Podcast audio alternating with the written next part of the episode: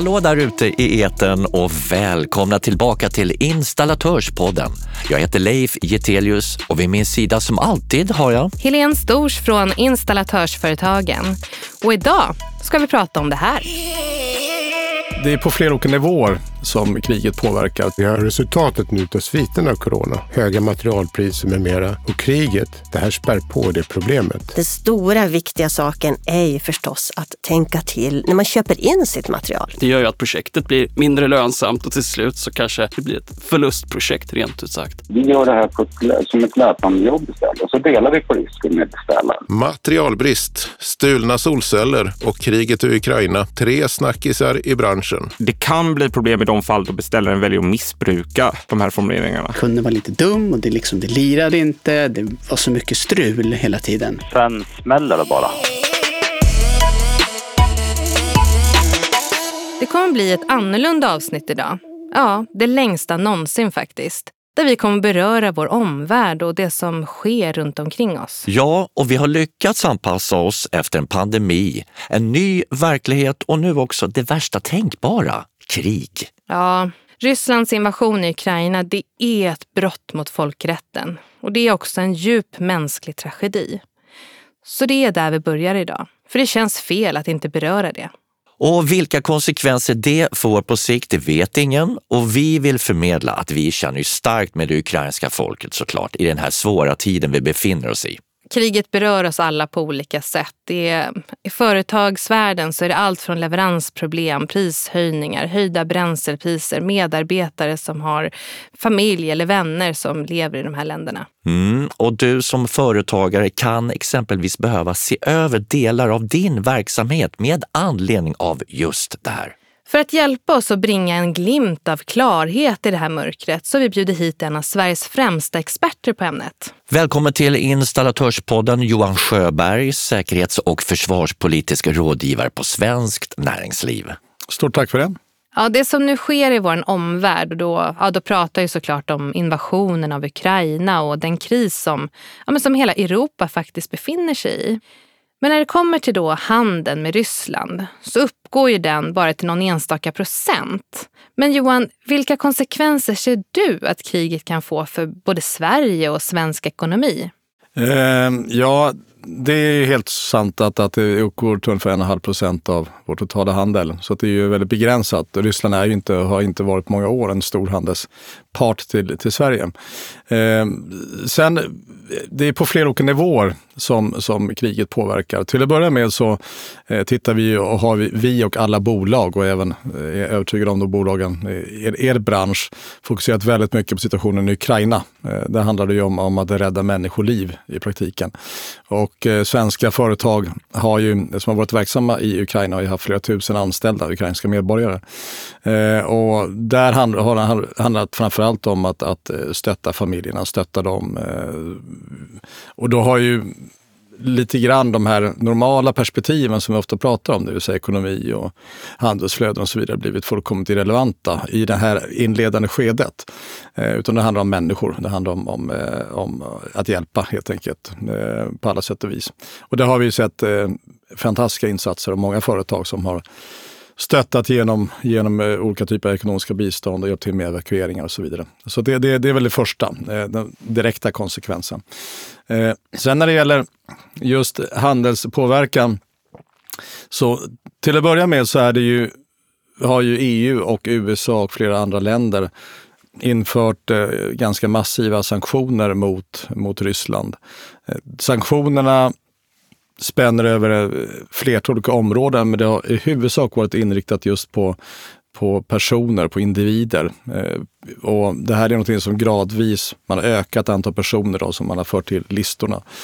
Och det är ju oligarker, det vill säga, det är ett uttryck som jag annars inte använder, men i de här sammanhangen gör vi ju det. Oligarker, det vill säga eh, väldigt, väldigt inflytelserika, ekonomiskt inflytelserika personer i kretsen kring, eh, kring Vladimir Putin. Men det är också personer som har varit på ett annat sätt kopplade då till krigsföringen i Ukraina, alternativt utbrytarrepublikerna Krim och Donbass. Det gäller också Belarus, grannlandet som samarbetar väldigt nära Ryssland. Eh, motsvarande sanktioner har införts även där. Och det är klart att för de företag, vi har ungefär 400-500 företag som har varit verksamma i Ryssland. Och eh, för de företag som varit involverade i de här branscherna så drabbas man ju direkt. För det innebär att man inte längre kan handla med vissa, vissa varor. Och, eh, men, men i huvudsak är den verksamhet som i huvudsak har bedrivits av svenska företag i Ryssland är verksamhet som i stor utsträckning har legat utanför sanktionsområdena. Men just med tanke på att vår handelsrelation med Ryssland har varit så begränsad så eh, har, drabbas ju inte vi lika hårt av Ryssland som ett stängt land eh, som väldigt många av våra europeiska vänner gör. Eh, Tyskland till exempel, Italien och andra länder som har ett enormt stort beroende av gasleveranser och till viss del olja och så vidare. Och, men sen finns det vissa nischområden som är känsliga och som är utsatta även eh, för vår del. Våran bransch, om vi fokuserar bara på den installationsbranschen som vi gör den här podden för och till. Den är lokal, kopplad till Sverige. Givet det, hur tror du att den här branschen kommer att påverkas framöver? Jag tror att det finns eh, även där flera olika perspektiv som man behöver beakta och ta hänsyn till. Eh, nummer ett, och nu låter det lite, lite kanske allmänt fluffigt, men nummer ett så ser vi ju att samhället präglas av en stor oro. Människor är oroliga. Eh, vi får extremt mycket frågor från, från eh, eh, samhället i stort och inte minst alla bolag. Och det är klart en särskilt utsatt eh, sektor är ju SME-erna, små och medelstora företag. Och den enkla anledningen att de har oftast inte jobbat med den här typen av beredskapsplanering. De har inte tagit höjd för störningar kanske i, i, i försörjningskedjor och så vidare. Eh, och jag kan tänka mig just inom installationsbranschen bland annat så är det mycket SME. Det är medelstora och små företag. Och det är klart att eh, det räcker med att öppna en tidning idag så möts det av x antal artiklar eller sätta på Rapport eller TV4-nyheterna så möts det av eh, ibland nästan lite domedagsprofetior eh, om hur illa det kan gå eller inte gå. Det här präglar ju människor. Det här får ju en att, att bli orolig. Man funderar lite grann hur kommer det påverka oss och så vidare. Eh, och den, den, största påverkan skulle jag vilja säga, eh, den vet nog företaget bäst självt. Av den enkla anledningen att vad, vad, vi vet är att det finns en utmaning med att många företag idag, eh, i och med att vi har en globaliserad handel, i och med att vi har en fullkomlig interdependens, att det är väldigt få varor som bara kommer från ett land med en leverantör. Så oftast är leverantörskedjorna väldigt långa. Det är många led. Så att eh, det första man behöver göra då som företagare, det är ju att verkligen fundera ordentligt över hur ser leverantörskedjorna ut? Har jag koll på det? Vet jag egentligen att den här produkten som jag är beroende av i min verksamhet, vet jag de facto att den, vem som har producerat den i första ledet? Är det så att det finns någon del av den produkten som kanske kommer från något annat håll? Och det är väl först därefter som den enskilda företagaren kanske har bättre, bättre koll på hur, hur läget idag påverkar. Sen tror jag att den största påverkansfaktorn annars, det, som vi ser redan idag, det är ju att, att vi vi ser inga brister i Sverige ännu. Vi ser inga brister inom, inom varusegment egentligen i någon större omfattning. Vi ser inga brister när det gäller till exempel livsmedel och så vidare. Men det så vet jag att det finns alltid en risk för en hamstringtendens. Det vill säga att om ryktet går att den här produkten för, som är nödvändig för installationsföretag, efterfrågan är väldigt, väldigt stor, då är risken stor att man i det här läget börjar hamstra, köpa en upplager och så vidare. Och då skapar man kanske också då en, en, en snäv sektor som egentligen inte hade behövt vara där.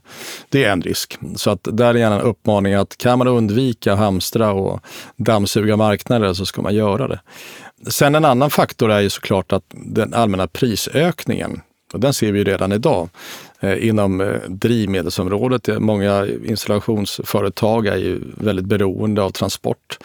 Och det är klart att drivmedelspriserna, inte minst för ett mindre företag, kan bli eh, extremt tuffa att hantera. Vi vet också att jag menar, energimarknaden i stor är ju en utsatt marknad redan sedan tidigare. Så att där, där ser vi också en risk. Sen skulle, om man tittar på handelsflödena som så ser vi ju vissa tendenser och det vill jag verkligen säga, det är tendenser. Vi, vi ser återigen inga direkta avbrott eller tydliga störningar i, i den internationella handeln. Men lastbilsflottan i Europa, om man tittar då mer eh, Europa internt, så ser vi även där utmaningar. Vi vet att en väldigt stor del av lastbilschaufförerna i Europa, framförallt i östra Europa, är ju från Ukraina. Eh, vi pratar om att det är ett par tusen åtminstone av alla chaufförer. Och det är alltså 2000, det är 2000 lastbilar. Eh, vi vet också att det är, vi har väldigt många förare som är från Polen och eh, andra av de östliga europeiska länderna. Eh, och de är, befinner sig inte i en situation då, man inte, eh, då det råder krig, men vi vet att många av dem väljer nu att återvända till sina hemländer. Man vill inte när det är så oroligt vara borta från familj och, och så vidare, utan man, då vill man vara på plats om något skulle hända. Och det innebär att vi har en chaufförsbrist som, som håller på att blomma ut. Och det kommer påverka de möjligheterna att transportera last, via lastbilsvägen också. Ehm, och, och till det här har vi också nu den ökade flyktingkrisen eh, som givetvis då också påverkar transportnätet så tillvida att, att eh, nödvändiga prioriteringar måste göras. Man måste transportera helt enkelt flyktingar per tåg i vissa fall och kanske framförallt framöver. Och det kommer också då transportgodstrafiken då eh, påverkas av. I ett worst case scenario lite grann så har vi då störningar i samtliga transportområden. Eh, och det innebär också att det blir lite grann som en, liksom en, en, en ska säga, lavineffekt i värsta fall. Det vill säga att man, eh, om en sektor är trång, då vänder man sig till en ny sektor. Det gör ju alla samtidigt, det gör inte bara Sverige. Och för då en marknad som installationsmarknaden också, som är så beroende av import, som utgår från att, att, att marknaden är, eh, så är det klart att då finns ju en stor känslighet. Man behöver ha sina leveranser. Man kan inte ligga ute. Eh, utan, eh, och prisökningarna är ett faktum och så vidare. Så att eh, jag tror för den enskilde företagaren så kan, kan det finnas tuffa, tuffa konsekvenser framöver.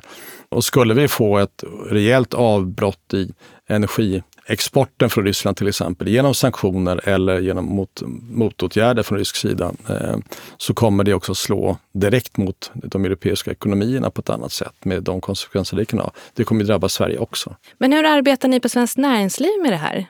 För det första så arbetar vi nu på både bredden och djupet med, med de här frågorna. Vi har fokuserat väldigt mycket av vår verksamhet på att hantera olika konsekvenser. I, idag så har vi då dels en intern, kan vi kalla det för krissamordningsgrupp, eh, där vi har dragit på de olika nyckelkompetenser som finns inom Svenskt Näringsliv för att få de olika perspektiven. Vi har regelbundna möten med, med eh, givetvis vår, våra ägare, eh, branscherna och vi man märker också att vi har ju väldigt mycket avstämningar också, givetvis med, med olika grupper av branscher och så vidare. Eh, därutöver så har vi en, och det är lite grann kanske en av våra viktigaste uppgifter det här, det var att vara den här gränsytan också mellan då branscher, bolag och, och, och departement, myndigheter. Så att vi har veckor, på veckobasis så har vi möten med, med regeringskansliet för att ge vår lägesbild, att så här ser vi nu utvecklingen. Och, och eh, i viss utsträckning också kunna föreslå åtgärder. Eh, och det, det samarbetet är under utveckling. Man märker ju att vi, dels så har vi ju en del erfarenheter vi kan dra från eh, pandemiarbetet givetvis. Inte minst vilka behov som finns. Men sen är det så att pandemin var ju en typ av kris, det här är en helt annan typ av kris. Jag skulle inte säga att pandemin var lätt att hantera, den var på alla sätt och vis väldigt komplex. Men den här oberäkneligheten, vi har ett krig i Europa, fanns ju inte där. Så att det är viktigt också att vi drar nytta av erfarenheterna och kunskaperna från pandemin. Men att vi, det finns alltid en risk att man försöker lösa en ny kris genom med den gamla krisens verktyg och det går inte. Utan det handlar om att lära nytt också. Men en central fråga är just att, att eh, få ut information också. Och det ser vi. vi har på vår hemsida har vi då samlat bra länkar. Vi ger regelbundet ut artiklar och, och intervjuer och så vidare. Men vi märker att det är ju ett enorm efterfrågan utifrån eh, att eh, få information om vad som händer. Eh, man är orolig i stort eh, och där försöker vi tillhandahålla. Vi har genomfört en del egna webbinarier också. Och det senaste webbinariet som jag höll i, då hade vi väl 1200-1400 företag som lyssnade in, så att man ser ju att suget är stort. Vi ska ta och runda av strax Johan, men har du några tips och dra iväg till företagarna i installationsbranschen innan vi är klara? För det första, jag var inne på det tidigare, centralt att man ser över sin verksamhet. Eh, försök få en uppfattning om era leverantörskedjor, eh, försörjningslinjer. Försök att se själva var det eventuellt kan finnas sårbarheter och hur ni påverkas. Eh, har ni inte gjort det sedan tidigare, försök bygga upp en buffert så att man kan hantera också en försämrad eh, utveckling. Det vill säga om det blir svårare att importera, att få till varor och så vidare. Och sen slutligen det vi inte varit inne på, men som, som är en extremt viktig fråga. Vi ser också att det är en ökad eh, nivå generellt av, av eh, cyberattacker mot bland annat svenska företag. Eh, och då kan man ju tro att det rör sig då bara om stora företag inom, inom vissa sektorer, men vi ser att det slår ganska hårt. Eh, och det kan också slå mot företag som sitter som centrala i, i leveranskedjor, som också mindre företag är beroende av. Så att om man inte gjort det tidigare så se över cybersäkerheten på företaget. Se över också då eh, informationssäkerheten i stort och säkerhetsskyddet det är hög tid att göra det och faktiskt verkligen Eh, utan att överdriva dem, eh, men verkligen eh, vidta de åtgärder som behövs för att skapa en mer robust verksamhet. Mycket information kring ett ämne som jag aldrig trodde att vi skulle avhandla i den här podden. Men stort tack för att du kom hit Johan. Tack för att jag fick komma hit. Hej och välkommen tillbaka till Installatörspodden Ola Månsson. Tack så mycket. Du är vd på Installatörsföretagen och det är verkligen fruktansvärt att vi sitter i Sverige år 2022 och pratar om krig i Europa. Vi har precis pratat med Johan Sjöberg om hur företag i Sverige påverkas av kriget i Ukraina. Men eh, nu ska vi styra skutan lite närmre vår bransch. Hur ser du på krigets effekter på installationsbranschen, Ola? Ja, vi sitter just nu och har avslutat corona. Eller tycker vi. Det mm. finns fortfarande kvar. Men vi har, har resultatet nu av sviterna av corona. Höga materialpriser med mera. Och kriget, det gör ju att det här spär på det problemet. Men just idag så sitter vi och lyssnar efter vad kan det få för effekter. Just nu tror vi vad det kan få för effekter. Och, och, det är väldigt tråkigt att vi behöver ha en podd om ett krig egentligen. Är det några särskilda material som sticker ut? Ja, det sticker verkligen ut just nu med, med de delar där det krävs halvledare. Alltså typ värmepumpar, diskmaskiner, vitvaror och så, och så vidare. Där det krävs halvledare, där sticker det verkligen ut för det här, där är det trångt med material. En annan del som det sticker ut är ju solceller. Det monteras otroligt mycket solceller och det är, börjar bli otrolig materialbrist på det. Just nu så sitter vi, några stycken på installatörsföretagen, tillsammans med våra branschföreningar för grossisterna. Och det är där vi till stor del tar in vårt material till våra företag. Eller våra företag tar in sitt material. Och de, vi håller på med en rejäl granskning nu. Var finns de största hindren? Var finns det material som påverkas av Ukraina eller Ryssland eller tillverkas där? Vi vet ju redan ett sådant materialslag som aluminium, eh, att det är en risk. Vi vet ju för byggbranschen att leran kommer från Ukraina till kakel. Så det finns ju väldigt många smådelar som påverkar väldigt mycket. Det allvarligaste, det är brandlarm. Där börjar det bli brist på material. Och du kan ju inte igångsätta en byggnad, en kontorsbyggnad, om inte brandlarmen är fullständigt färdiga. Då får du inte överhuvudtaget använda byggnaden. Så det är mycket sånt här vi ska tänka på nu. Vad är det för delar och komponenter som blir brist som kan störa en produktion?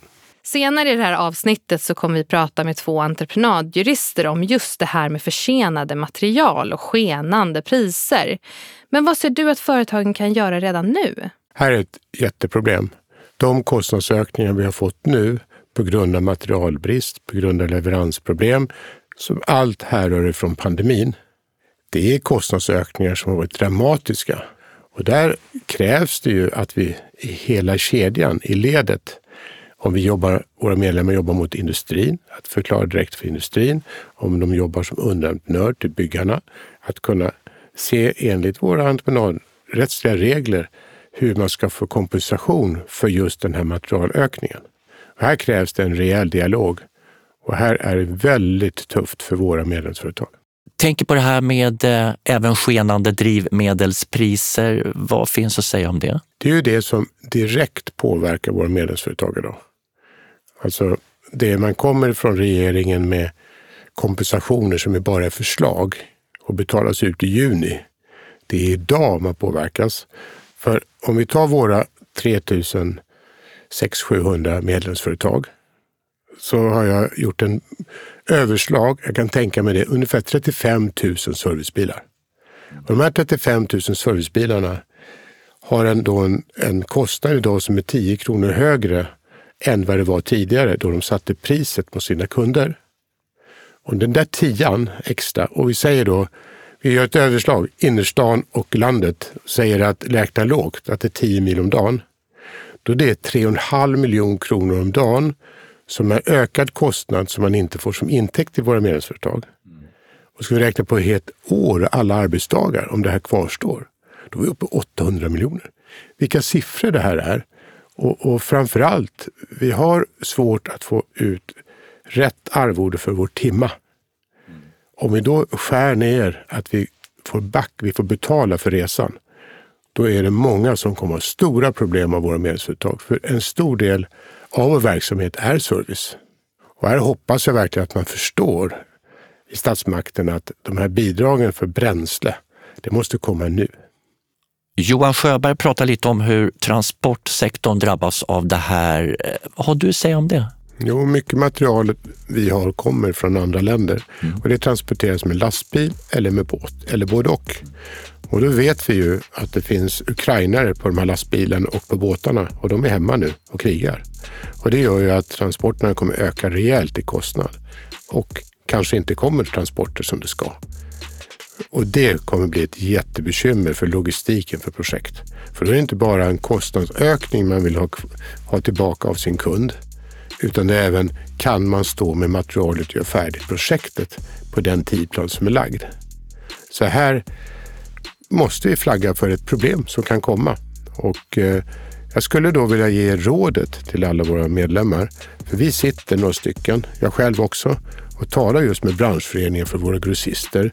Jag sitter med i Svenskt Näringsliv och får lyssna på näringspolitiska chefer. Vi hade idag en vd-konferens för alla vd i hela Svenskt Näringsliv där vi får direkt information av Johan bland annat hur läget ser ut och det gör vi varje vecka.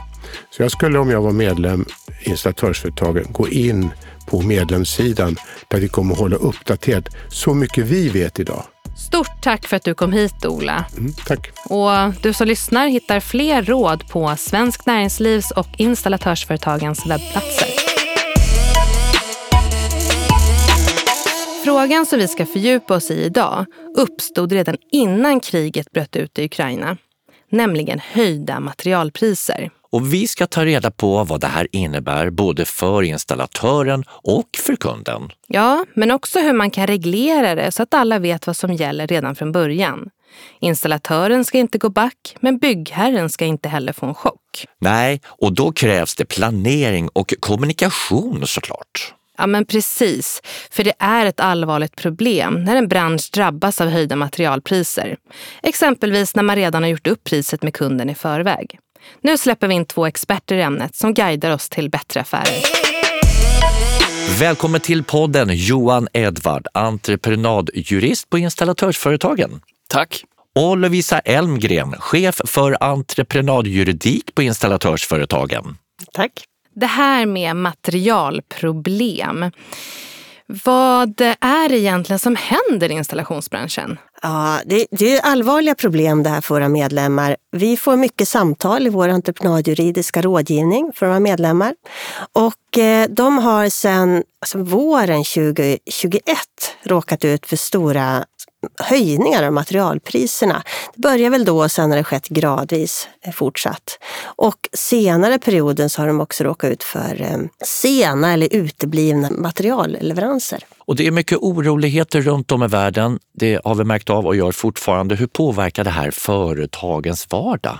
Ja, våra företag är ju beroende av sin omvärld och det har vi ju sett till exempel att pandemin har påverkat. Så att det är klart att en orolig omvärld kan påverka på olika sätt. Det allra senaste nu är att bränslepriserna går upp väldigt kraftigt. Så att självklart så blir, vi, blir våra företag påverkade.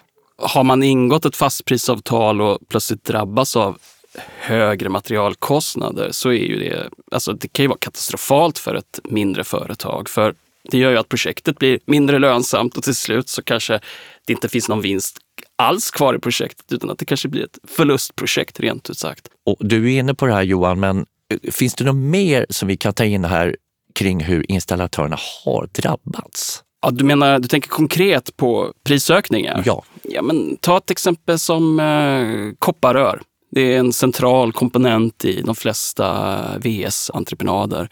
Eh, priset på kopparrör har ökat på mm, mer än cirka 15 procent på, på väldigt kort tid. Och det gör ju att har du liksom lämnat ett fastprisavtal och sitter fast med dina intäkter så att säga, de är begränsade genom fastprisavtalet och så plötsligt ökar kostnaderna, ja, då riskerar projektet att bli en förlustaffär.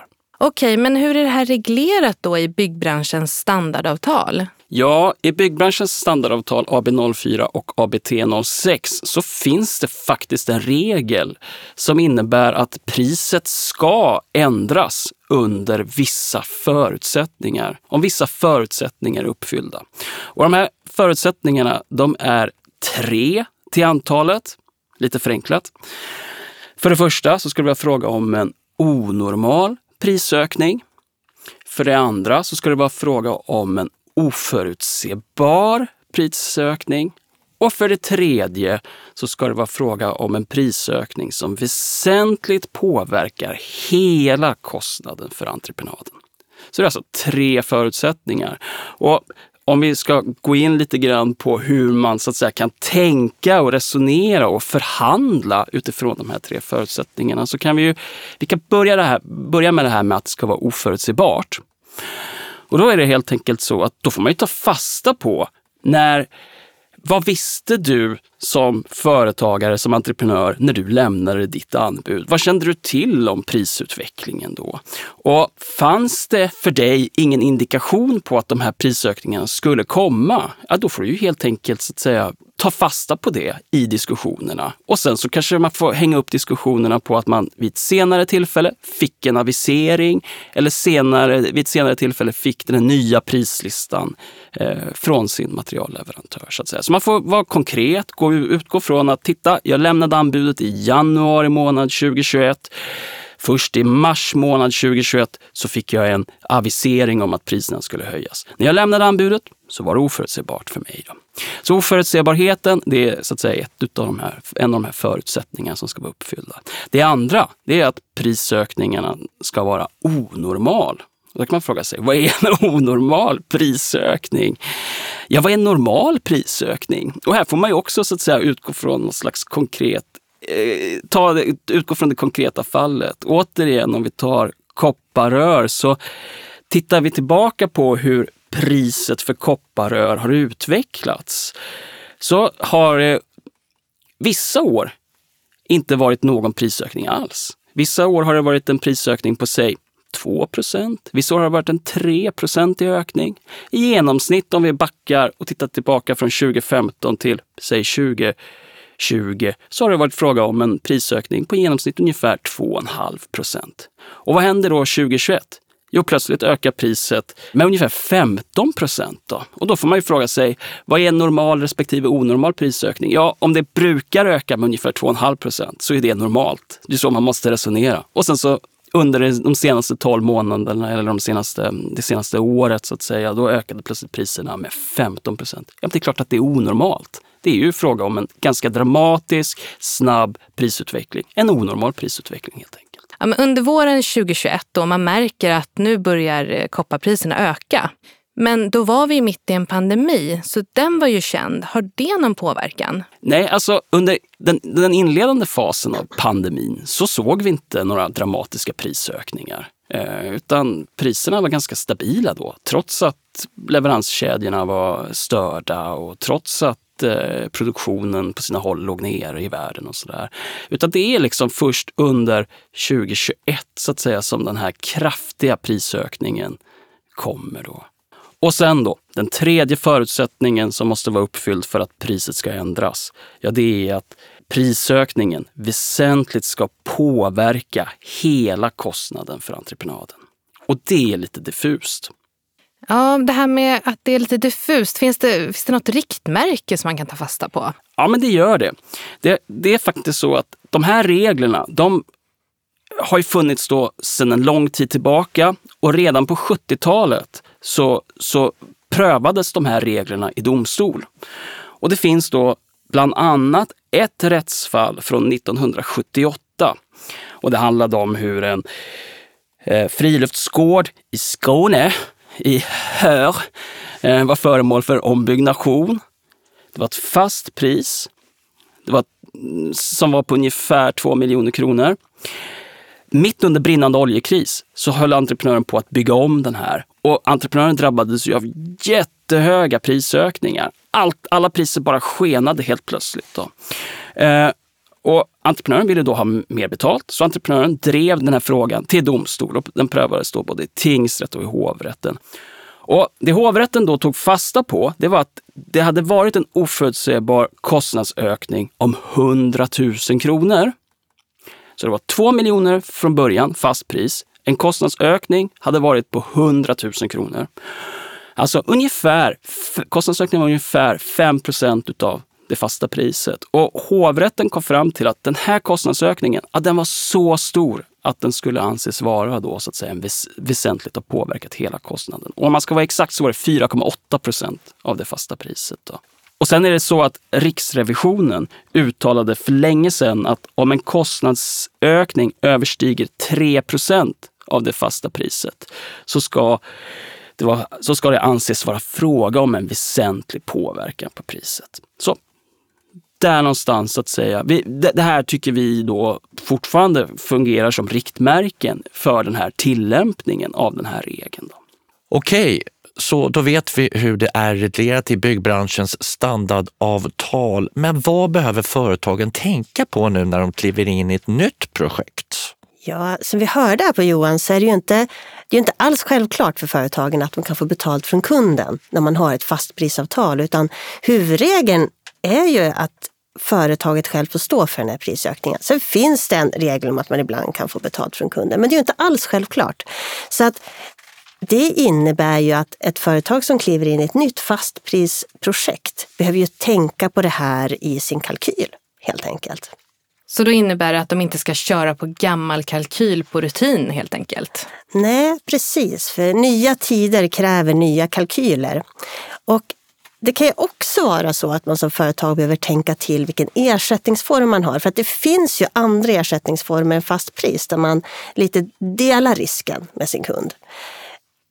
Till exempel så kan man jobba på löpande räkning. Jobbar man mot sin kund på löpande räkning så är huvudregeln att man får betalt för de kostnader man har lagt ner.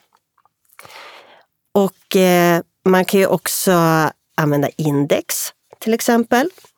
Entreprenadindex är ett index som är så att säga, särskilt anpassat för byggbranschen. Eller det, det är så att säga branschorganisationer tillsammans med Statistiska centralbyrån som tar fram underlaget eller siffrorna som finns i entreprenadindex. Då. Och lite förenklat så fungerar det på det sättet att har du ett fast pris och kopplar det till entreprenadindex när det är dags att skicka fakturan, då jämför du hur index har utvecklats från det att du skickade anbudet till dess att du utförde själva jobbet. Och fördelen med entreprenadindex, det är väl framför allt att det är i detalj reglerat hur du ska göra den här beräkningen. Så det är ett väldigt eh, enkelt sätt att eh, det, det, det, finns inte föremål för några invändningar eller några diskussioner när man använder sig av entreprenadindex. Då.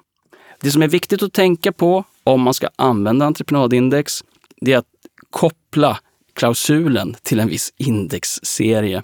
Och det man då så att säga skriver, det är helt enkelt att det fasta priset ska regleras enligt entreprenadindex och sen så anger man då vilken indexserie. Exempelvis lågspänningsanläggning och så anger man då en särskild siffra. Och vill man i detalj se vilka olika indexserier som eh, finns tillgängliga så kan man gå in på installatörsföretagens hemsida. För där har vi massa information om det här då, och olika exempel på indexserier. Det kan ju vara en fördel för bägge parter att använda index istället för att behöva ta höjd för det här i ett fast pris. För här blir det ju...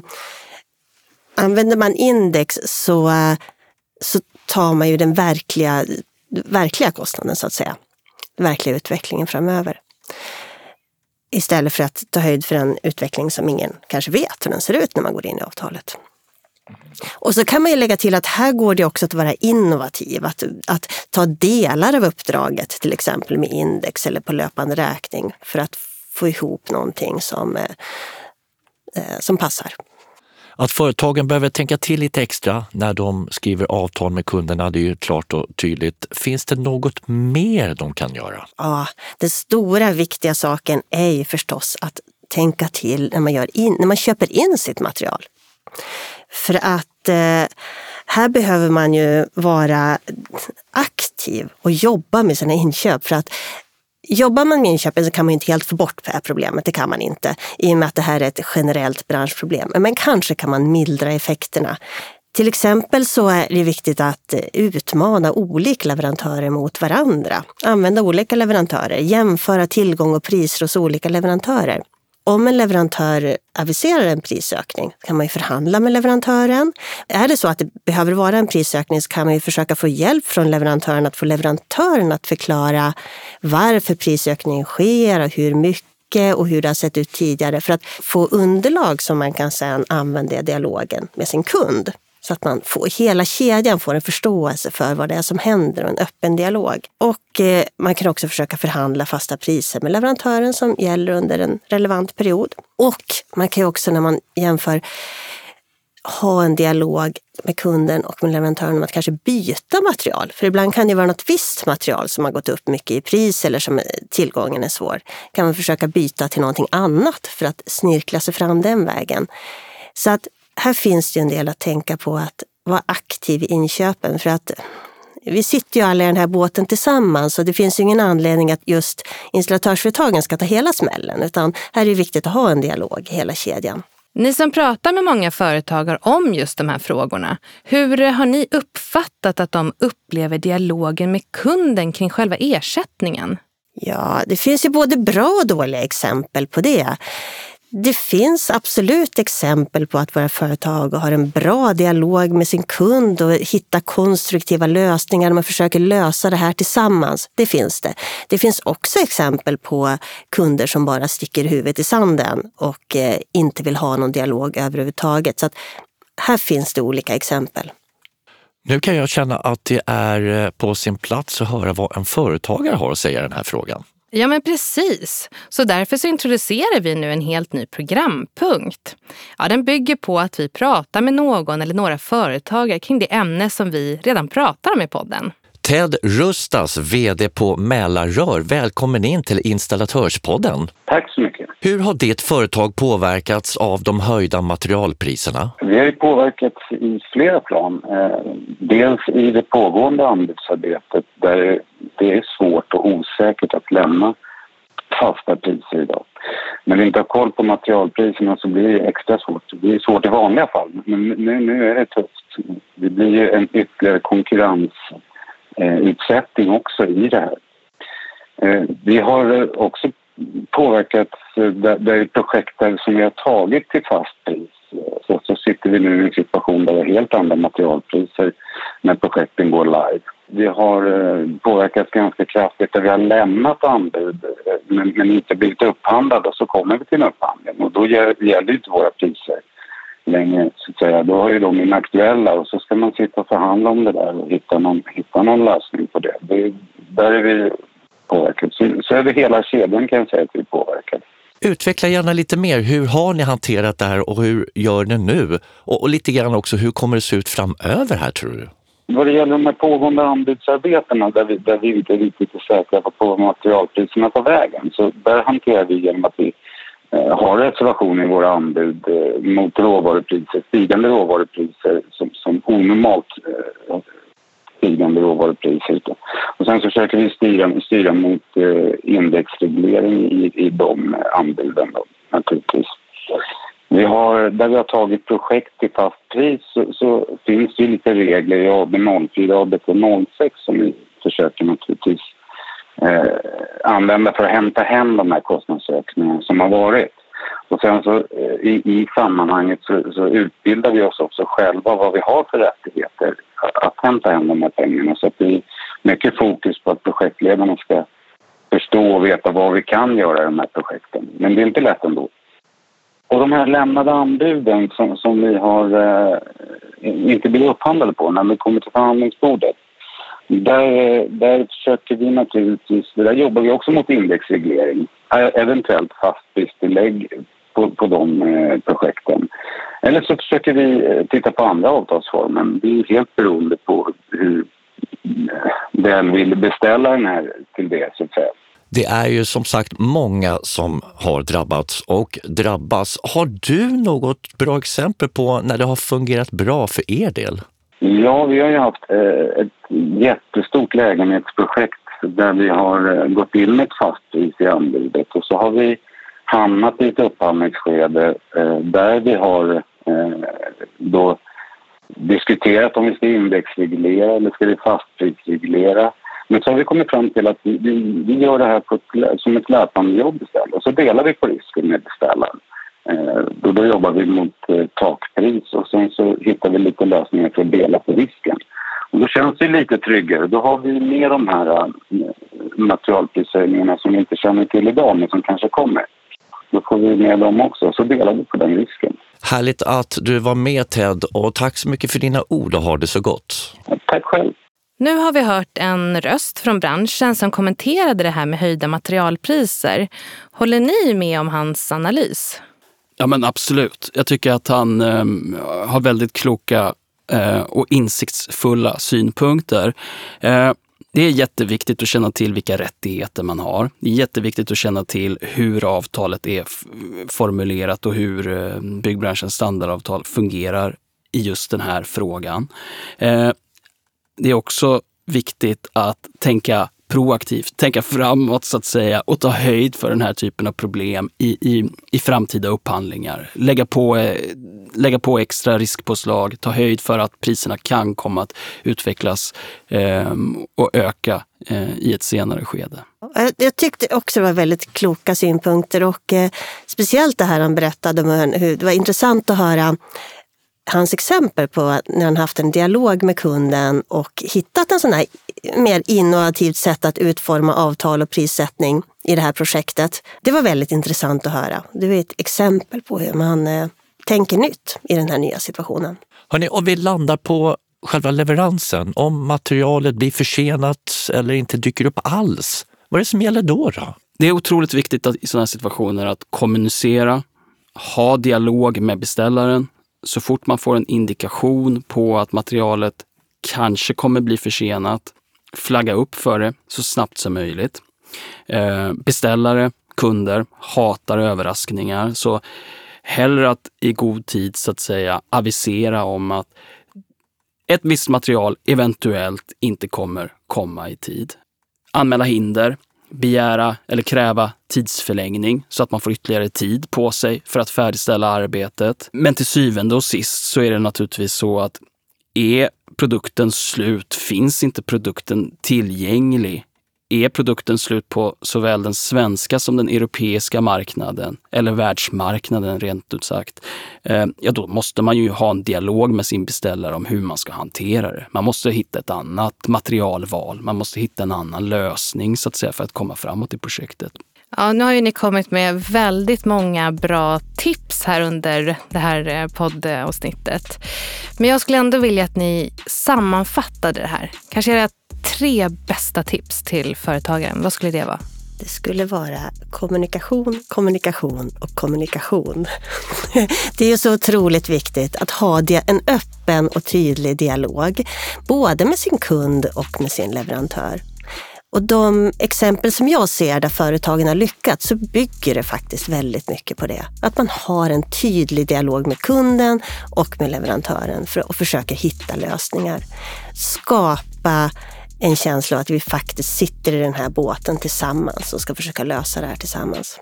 Jag skulle säga det är väldigt viktigt att vara medveten om att världen just nu ser lite annorlunda ut än vad den gjorde för några år sedan. Priserna ökar snabbt och det här är någonting man måste ta höjd för eh, när man lämnar anbud och eh, går in i nya projekt. Johan, Edvard och Lovisa Elmgren, stort tack för att ni kom hit och redde ut det här med materialpriser. Tack! Tack så mycket!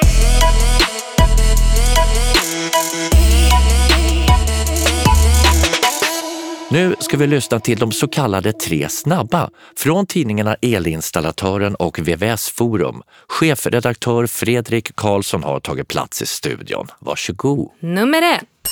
Skenande priser, långa leveranstider och brist på material. Det är ett gissel för installationsbolag i hela landet, vilket vi är flera som pratat om tidigare här i podden.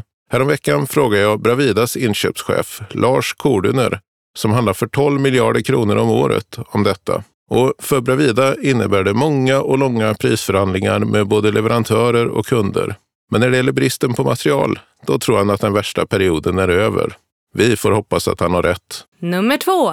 Solpanelerna plockades ner från tvåvåningshuset och kabeln till växelriktaren klipptes av utan att någon märkte något. Detta brott som inträffade i Edsbyn i höstas har engagerat våra läsare. De nymonterade solcellerna de var bara borta en dag. Det finns ännu inga spår efter tjuvarna och det är fortfarande ett mysterium hur det här kunde ske. Nummer tre. Kriget i Ukraina. Detta oerhörda mänskliga lidande pratar vi alla om. System Air planerar först att växla upp i Ryssland, men de tänkte om och pausade det arbetet i solidaritet med Ukrainas befolkning. Elprofilen Henrik Andersson, nu på ETG, berättar om vänner från elutbildningen i Charkiv som är fast i skolans källare. Jag funderar på hur man kan hjälpa till. I brist på bättre idéer så kommer jag att swisha en slant på vägen hem härifrån. Här fick du ytterligare lite inspel kring materialpriserna som vi har gått igenom i det här avsnittet. Och glöm inte att lyssna på Elinstallarpodden som elinstallatören driver med Henrik Sannesson i spetsen. Finns där poddar finns. Nu är stunden här för den återkommande medlemsfrågan och idag riktar vi stort fokus på entreprenadjuridik. Men det är väl sådana tider nu kan man väl gissa? Ja, och frågan besvaras av Viktor Sterner, entreprenadjurist på Installatörsföretagen. Hej och välkommen hit! Hej, tack så mycket. Och så här lyder frågan då, Viktor. Ett medlemsföretag skriver att de ska lämna ett anbud på en entreprenad. I förfrågningsunderlaget står att beställaren inte behöver betala några fakturer förrän beställaren har godkänt fakturorna. Och då undrar de hur de ska tänka här. Ja, först och främst är det väldigt bra att eh, företaget här har uppfattat att eh, det står så här i handlingarna. För eh, den här typen av formuleringar är något som förekommer ibland och som man som entreprenör ska vara vaksam på innan man lämnar ett anbud eller ingår ett avtal. Och i AF-delen så hittar man de här skrivningarna i koderna för betalning och fakturering, vilket är AFC 62 och underkoder. Och de här skrivningarna Eh, som dels den vi hörde i frågan om att entreprenören inte alls har rätt att få betalt förrän beställaren har godkänt en faktura. Eh, eller liknande då formuleringar som att man till exempel inte skulle ha rätt att få betalt för en beställaren exempelvis har godkänt ett ätarbete. Det, det är skrivningar som såklart ökar risken ordentligt för att entreprenören kommer få svårt att få betalt för sina arbeten. Och med en bra beställare så behöver eh, den här skrivningen eller den här typen av skrivningar i och för sig inte vara något problem. Men det kan bli problem i de fall då beställaren väljer att missbruka de här formuleringarna genom att helt enkelt vägra godkänna en faktura innan de har fått ett pris som de är nöjda med. Och då kan den här skrivningen alltså användas för att pressa priset helt enkelt. Och i ett sådant läge så kan man ju som entreprenör hamna i en, i en dålig situation. Skiljer det sig åt hur man bör agera beroende på vilken typ av upphandling det handlar om? Ja, är det en offentlig upphandling, alltså enligt LOU, lagen om offentlig upphandling, så finns det i princip inte utrymme för att förhandla eller reservera sig mot det här, utan då är det mer liksom en take it or leave it situation. Och upptäcker man i en offentlig upphandling den här typen av skrivning, eh, då får man bedöma risken som den här formuleringen innebär helt enkelt. Och sen får man antingen då avstå från att lämna ett anbud överhuvudtaget eller annars ta höjd för risken på olika sätt. Eh, till exempel genom att försöka prisa in den i anbudet. Man kan också uppmärksamma den här risken för samtliga anbudsgivare i upphandlingen genom att ställa en utförlig fråga om formuleringen till upphandlaren om den här formuleringen kan ändras. Och det kan ju om inte annat leda till att flera anbudsgivare hänger på i det ifrågasättandet och att upphandlaren då ändrar villkoret. Och är det istället en privat upphandling så kan man ju däremot förhandla mycket mer fritt. Och då är det viktigt att göra det genom att verkligen lyfta upp det här i en diskussion med beställaren. Och där kan ett första steg vara att fråga varför den här formuleringen om godkännande överhuvudtaget finns med intagen i handlingarna och be beställaren att klargöra eh, det och hur den här bedömningen kommer ske och vad som krävs för godkännande. Och utifrån vad beställaren då svarar så kan man försöka få den här formuleringen ändrad till någonting i stil med att beställaren ska få möjlighet att i god tid granska och komma med synpunkter på underlaget om, om det är det som det verkar som att beställaren egentligen är ute efter. Och ett annat sätt eh, som man kan använda i de här förhandlingarna för att få bort en formulering av den här typen är ju att eh, eh ta höjd för risken i sitt anbud och sen förklara för beställaren att totalpriset kan förhandlas ner med x antal kronor om, om den här formuleringen lyfts bort från handlingarna. Och såklart kan man ju också eh, som ett alternativ reservera sig mot formuleringen i anbud. Men oavsett hur man går tillväga så är det viktiga att man sen kontrollerar att den här formuleringen faktiskt är borttagen ur handlingarna innan man skriver på det slutliga kontraktet och att man då också har koll på hur handlingarna rangordnas internt. Men om man redan har skrivit på själva kontraktet då? Ja, det är ett svårare läge, men det behöver faktiskt inte på något sätt vara kört för den sakens skull. Ehm, det kan finnas många argument för att en sån formulering ändå inte ska gälla eller åtminstone inte gälla fullt ut. Men det måste man bedöma utifrån hur hela avtalet ser ut i just det fallet. Så är det någon som lyssnar från ett medlemsföretag och som befinner sig i den situationen så får ni jättegärna ta kontakt med mig eller mina juristkollegor här på installatörsföretagen så hjälper vi er att titta på vad vi kan göra just i ert fall. Bra, tack för det utförliga svaret på medlemsfrågan och tack för att du kom hit Viktor. Tack så mycket. Mitt i allt elände i omvärlden så, så måste vi faktiskt kunna skratta lite också. Ja, faktiskt. Och det för oss osökt vidare till programpunkten Oj, vad hände där? Då vi låter några installatörer berätta om något som har inträffat under deras karriärer där det inte riktigt gick som det var tänkt. Och den som inleder snacket idag, det är Jonny Averstedt på Elektrobyrån i Åkersberga. Och det här blev lite pinsamt faktiskt. Jag jobbar ganska mycket med min svärfar. Eh, han är också elektriker och han har egen firma och jag har egen firma. Och vi har kört lite tillsammans.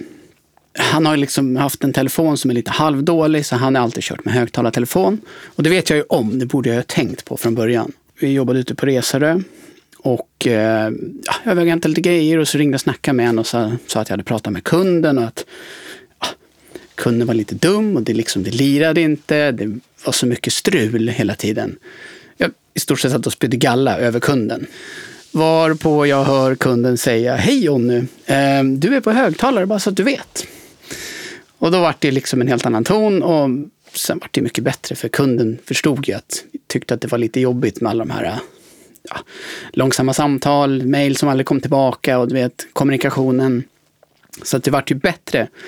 Men just där och då så kände man sig lite dum när han, man hör honom i bakgrunden bara ropa upp mig och säga hej, jag, jag hör vad du säger. Och sen hörde man hela bygget liksom asgarvade i bakgrunden. Sen fick man ju höra det ett tag där. Aj, aj, aj, aj, aj, aj. Glöm för guds skull inte att slå av högtalarfunktionen på telefonen om du vill prata om saker och ting som kunden inte bör höra. Nu ska vi lyssna till vad Daniel Elström har att berätta. Han arbetar på Oppunda VVS i Katrineholm. Jag och en arbetskollega var ju i Nyköping här för snart, ja det är nästan tio år sedan och gjorde en stambytesrenovering. Och då hade vi en jätteskönt gäng. Vi gick ju jättebra på bygge där och mitt under rivningen där så hittade vi ett avlopp som inte finns med på ritningen eller någonting. Och eh, vi funderade att kontakta chefen och rådfråga med honom och vi kom överens om att jag får såga av det där så får vi gå in och filma vart det tar vägen någonstans. Och jag sätter med sladdlös tigersåg och sågar och sen smäller det bara. Det visar sig så att de har lagt inkommande el till hela fastigheten på mellan 60 och 90 lägenheter. För inkommande elkabel. Så elektrikern, när han hörde vad som hände, att det smällde och jag satt där på badrumsgolvet med halvchock så vart det beordrat att köra mig till sjukhus. Då. Så arbetskollegan körde upp mig till sjukhus och jag fick tillbringa 12 timmar på Nyköpings akutmottagning. Men jag har, jag har ju riktig respekt för det kan man ju säga, efter den där grejen. Men oj, det där lät verkligen inte kul. Aj usch, och han hamnade på sjukhus också. Ja, nu är det i alla fall dags att avrunda dagens stundtals allvarliga samtal. Ja, det är inte varje dag som vi pratar om krig i den här podden. Nej, och det hoppas jag att vi slipper göra framöver också. Mm. Ta hand om dig där ute och nästa gång vi hörs, ja, då befinner vi oss ute i vimlet. Ja, men precis. Då livesänder vi direkt från Nordbygg på Stockholmsmässan som pågår 26-29 april. Det blir kul och garanterat intressant också. Vi ses där med andra ord och till dess ha det så bra. Hej då!